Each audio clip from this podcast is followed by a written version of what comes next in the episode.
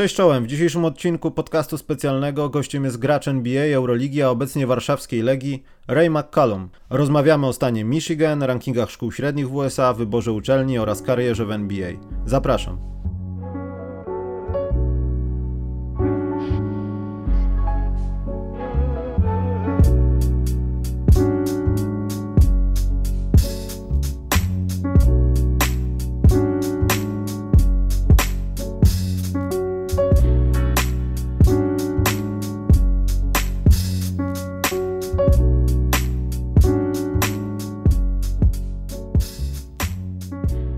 Mr. McCallum, Michigan finest. Let's hope Warsaw finest soon. Man, how you doing? Thank you for having me. It's a pleasure for me, man, because uh, I always have to solve the mystery of Michigan State. So you need to help me. How did it start with your basketball? It was your father or the Michigan mystery? A lot of good basketball players come from that state, and I don't know why. Yeah, I mean, I I uh, I moved to Michigan. I actually lived there two times earlier in my life. Uh, my dad was coaching at the University of Michigan for a short period of time. I was probably maybe two or three years old, and then uh, I came back. My path, my journey brought me back to Michigan. I want to say I was a junior in high school. Uh, spent my junior and senior year in high school there. Uh, had a lot of success. That's pretty much where everybody kind of knows me from being in Detroit. Um, in high school, it's kind of where I made a name for myself there. Um, and then ended up choosing to stay home and play for my dad in college, where I played three seasons at the University of Detroit with him. So, um, yeah, the Michigan ties. There's a lot of great basketball players who have come out of the state. Um, the city of Detroit has a lot of good players, and uh, obviously Michigan, Michigan State. Um, you know, those are the, probably the headline schools that uh, everybody knows about the state of Michigan. But uh, great time, great memories there, and um, yeah, like like you said, a lot of good players come from there. But still, it's a mystery for me because in Poland, sometimes we have a lot of players, really a lot from Michigan. I was thinking about like special environment there. It's the weather. Is the weather? For sure. The the weather here in Poland's got to be kind of similar to the weather back in Michigan. There's a lot of cold days, a lot of gray days. Yeah. So much sun. So I think we just kind of can migrate to Poland and uh, we can fit right in. Uh, when you was in a high school, he was like one of the top of the players from the high school. Like in those rankings, you were pretty high. In your class was like first person Harrison Barnes, then Kyrie Irving, and I can read it and read it and read it. Yeah, it was a kind of pressure on you because a lot of good guys, and you need to move up on those index for the scouts, for the scholarships, for the college. Uh, I mean, it wasn't necessarily uh, pressure. I mean, it was fun. I enjoyed it. Uh, you know, you know, playing the game, putting a lot of hard work in over the years. Um, having my father being a coach, um, and, and, he was coaching at big schools majority of my life growing up. Um, you know, I saw him always recruiting the top talented players, and I, I always wanted to be one of those guys. So, you know, I always pushed myself to try to be one of the best players in my class, and the goal was always to try to make the McDonald's All American game and and be in high school All American and um, you know, come with with that, you're going to play against the best, like you said, guys like Harrison Barnes, Kyrie Irving. The list goes on and on of all the the pros, and the, uh, there was a lot of all stars and everything in my in my in my class in high school. Um, so it was a challenge. It was it was a lot of fun growing up. There was a lot of great guards I had to go against, and uh, you know, still get to compete and see some of these guys still playing today. So it was never pressure. Um, it was more so a challenge, and it, it was a lot of fun, and it pushed me to become a better player for sure. But do you think those rankings, because it's not the only one, are giving the true picture, class, high school class? Because sometimes you have some players which are the top ranks or even top 20, and after right. one year or one or a few months in a college, they are like blowing up. Yeah, I, I would say like the rankings can only mean so much. Um, majority of the time, you know, most of the guys who are the, you know, top players of their class, you know, end up normally having successful college careers. Uh, most of the top guys, you know, have a chance at some time in their four year college career to make it to the NBA. Um, and then there's also a, a ton of guys who weren't even ranked in the top 100 coming out of high school, entering college. There's guys that you never even heard of who go to the right college and they develop um, and they blow up their first year in school and they just continue to keep working hard and getting better. And uh, you know, you see them make it to the NBA having success. And then there's also the route of some of the guys who are the top players and they've always been the top player in high school. They maybe go to the wrong college and it doesn't pan out, or in high school they were bigger, stronger, and faster than everybody, and then uh, guys kind of catch up to them, and maybe they stop working hard or their game just doesn't really develop or translate to the next uh, level. So, I mean, you definitely see that. I mean, so that's why you can't really go so much based off of ranking. Um, majority of the time, the guys who are like top five coming out of high school are probably have a higher percentage chance of making it to the NBA opposed to someone who might be a you know top 50 player coming out of high school. I mean, there's only mm-hmm. 60 guys who get drafted every year. So you think about entering college, and every year those top, you know, 24 McDonald's All Americans are going to go in a pool of, you know, the other 24 McDonald's All Americans the two, three years before them. So not all those guys are going to end up making it. So after your high school, you, you decided to play University of Detroit Mercy, but you have some offers. Did you opt out of these offers due to uncertainty of the playing time, or you just wanted to play for your dad? Yeah, no, it was a tough decision. I mean, I had um, my final really was going to either be UCLA, Arizona, or Florida. Um, I'm pretty sure I would have had a you know good opportunity to come in and play a lot of minutes as a freshman. Uh, but you know, it was it was kind of uh, tough to turn the opportunity down to stay home and play for my dad. It was a special time. We we spent three years together. Um, he knows my game better than anybody else. Even though it was a small school, I know I, took a lot of heat for it. But if I could go back and do it again, I wouldn't regret it. I don't. I don't. I wouldn't change my decision. Um, we had a lot of success at Detroit. He helped me become a better player and person I am now. And uh, you know, it was it was just something that you just can't get back. Do you think choosing, for example, UCLA would give you a higher place in the NBA draft? Uh, I mean, obviously that, you know, there's two ways you could look at it. Like, yeah, for sure. I mean, I definitely could have, uh, maybe changed my uh, draft status, and I could have gone end up going first round, different opportunity, different path. Um, but also, like you said, I could have gone, you know, school, and the opportunity might not have been what you know was being told to me, and um, I might not have had the role and the responsibilities that I had playing for my father. You just, you just, you just never know. That's why, I, you know, I chose to, uh, you know, just stay home and play for my dad. I knew what I was gonna get. Um, I knew my role. I knew the opportunity I was gonna have, and I knew he was gonna push me every single day to try to be the best player I can be. And and and we both had a goal to help me get to the NBA. And um, we were able to accomplish that. I think for everybody, which is like going to the NBA draft, the, the day is like the first most important day in pro career. But do you think you were picked too low, or you were just happy to be picked by any NBA team? Yeah. So uh, back at that time, um, before you really enter the draft, you could uh, send in like an evaluation form that you would get feedback from the teams and the coaches and GMs of all the 30 teams.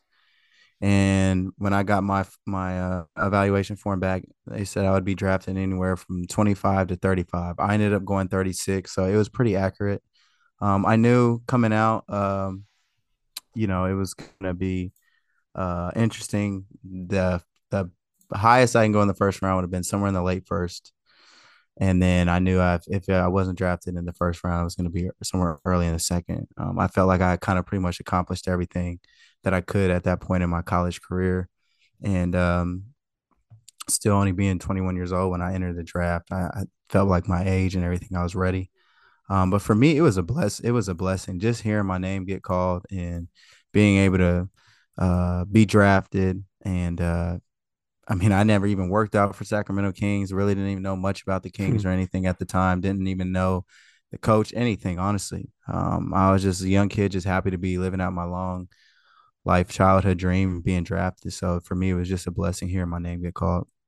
The best memory from your first year in NBA?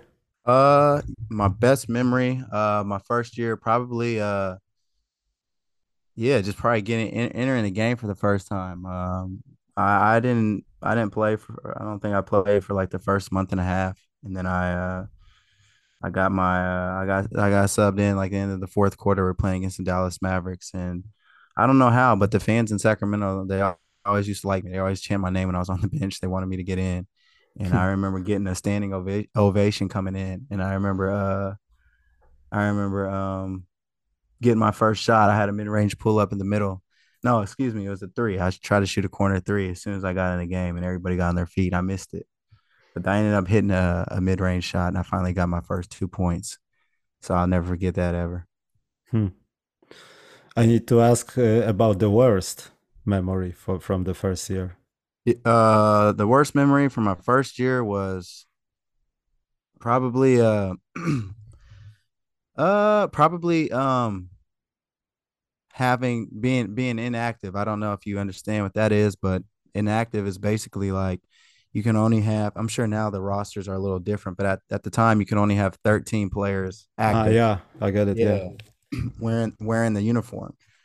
And then you would have two guys that are inactive which basically you have to wear like a like a suit and you sit behind the bench um and you basically i mean you're there you're getting paid everything's cool you're practicing everything but for those games i'm inactive and like i can't warm up with the team or anything. And I just sit behind the bench and I just watch. So those days were were tough for sure. Just being a kid who always loved to play and you always want to be out there playing. You feel like you should be playing, whether you're a rookie or second round pick, not even knowing at the time um, that you got to be patient and it's a business and you got to wait. But those are the toughest times. But I mean, it, it, it made me better and made me hungrier when I got my opportunity. I I knew I never wanted to be inactive again. You were a rookie, so you had to do something special for other guys. Oh, yeah, Bringing for sure. donuts or stupid jokes like whole popcorn car and everything. Oh yeah, all that. You know, you got you got you got to pay your dues, man. Rookie, rookie duties.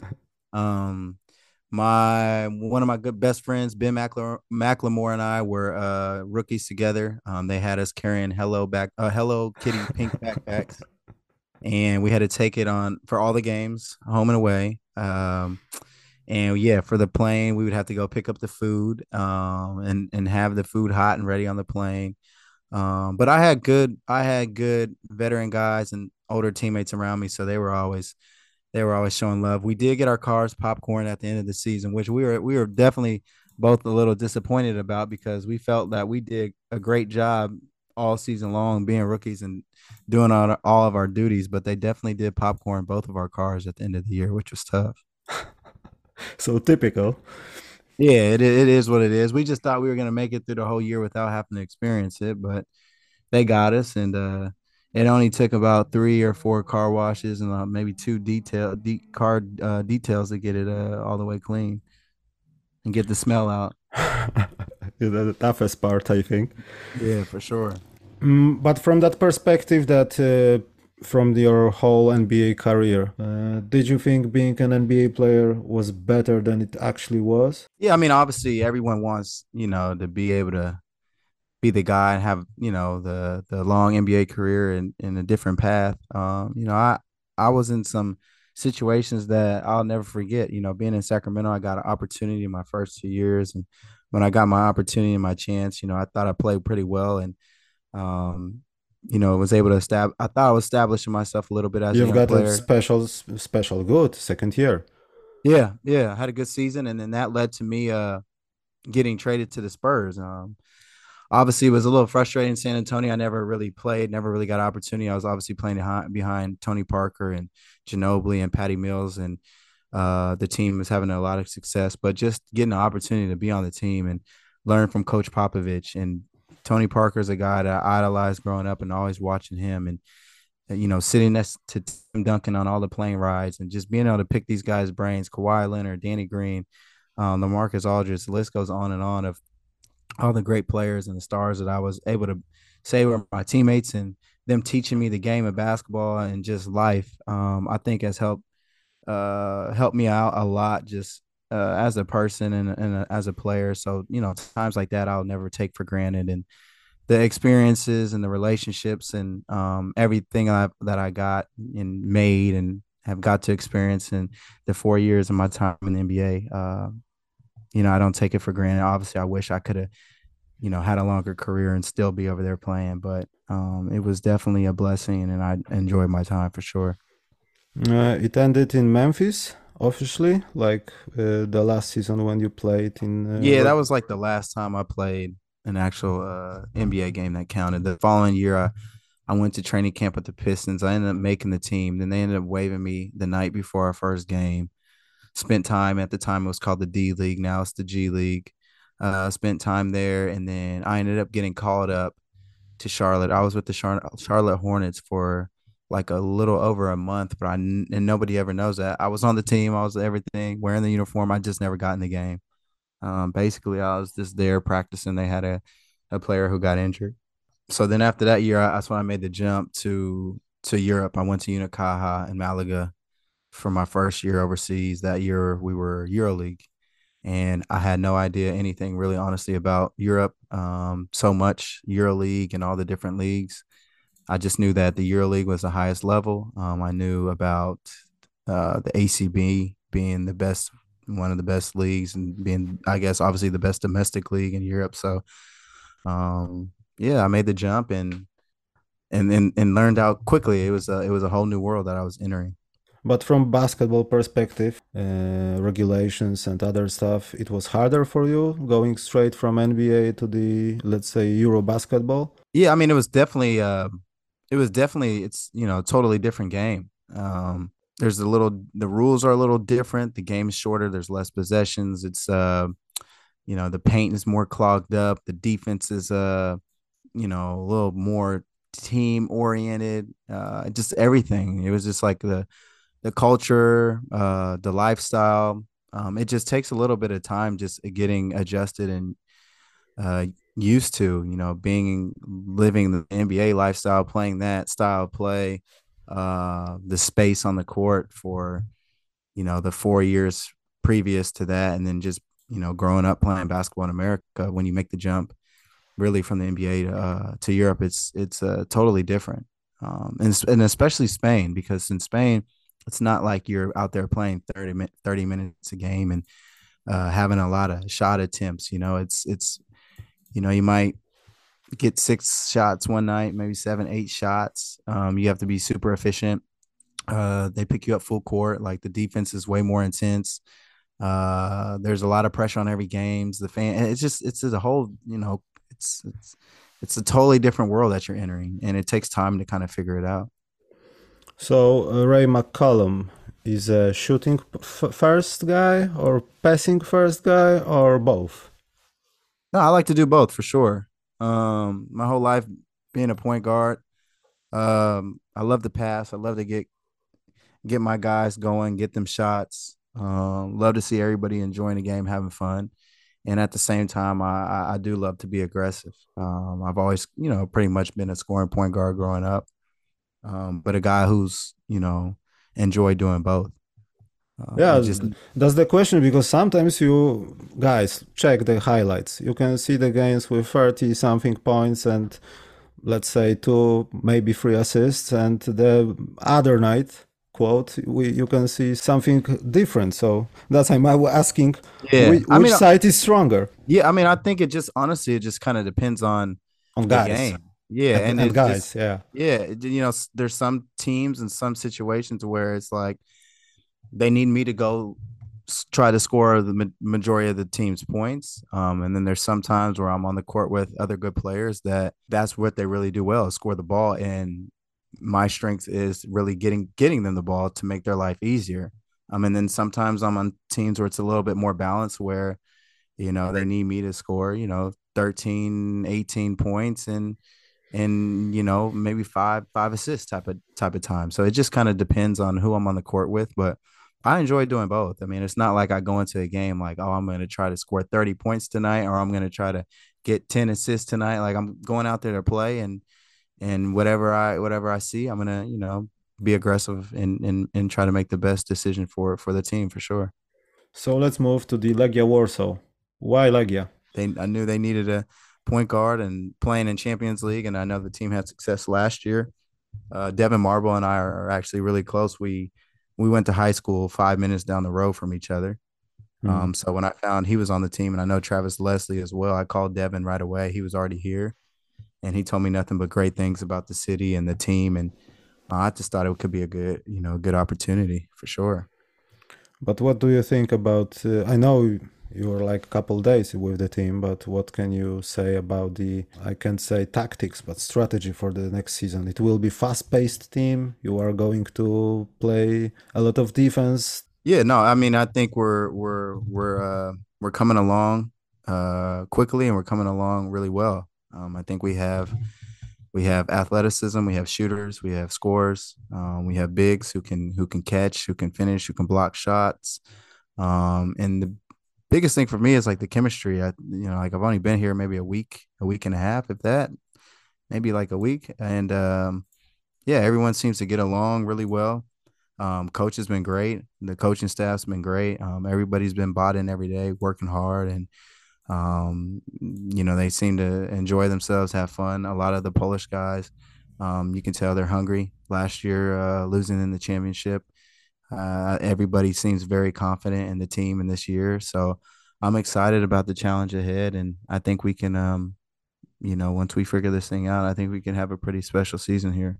The biggest strength of the team? The biggest strength is just our versatility. Like we have um, a lot of guys who can, I think, who can score the ball. I think a lot of guys who can bring a lot to the table. Um, I don't think it's going to be a situation where we're just relying on one or two guys to have to have great games in order to for the team to have success. Um, like I said, we have big men who can who can be dominant in the paint. We have guards who can facilitate and guys who can make shots. And um, with with our size and our length, I think we could we could be a pretty good defensive team.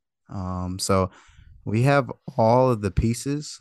Um, I think to have a successful team and a successful season it's just uh, I think just right now what what we're using this time for is just building the chemistry and just getting better each and every day. Yeah, and play more each other because it's the most yeah, important thing right now. For sure, exactly, exactly. Okay, Mr. McCallum. So I wish you have a you will have a marvelous season. Our listeners is going to watching your games, making notes, asking questions. I hope we can record something after I don't know maybe regular season. Thank you. I appreciate it. I, definitely appreciate it. Thanks for having me.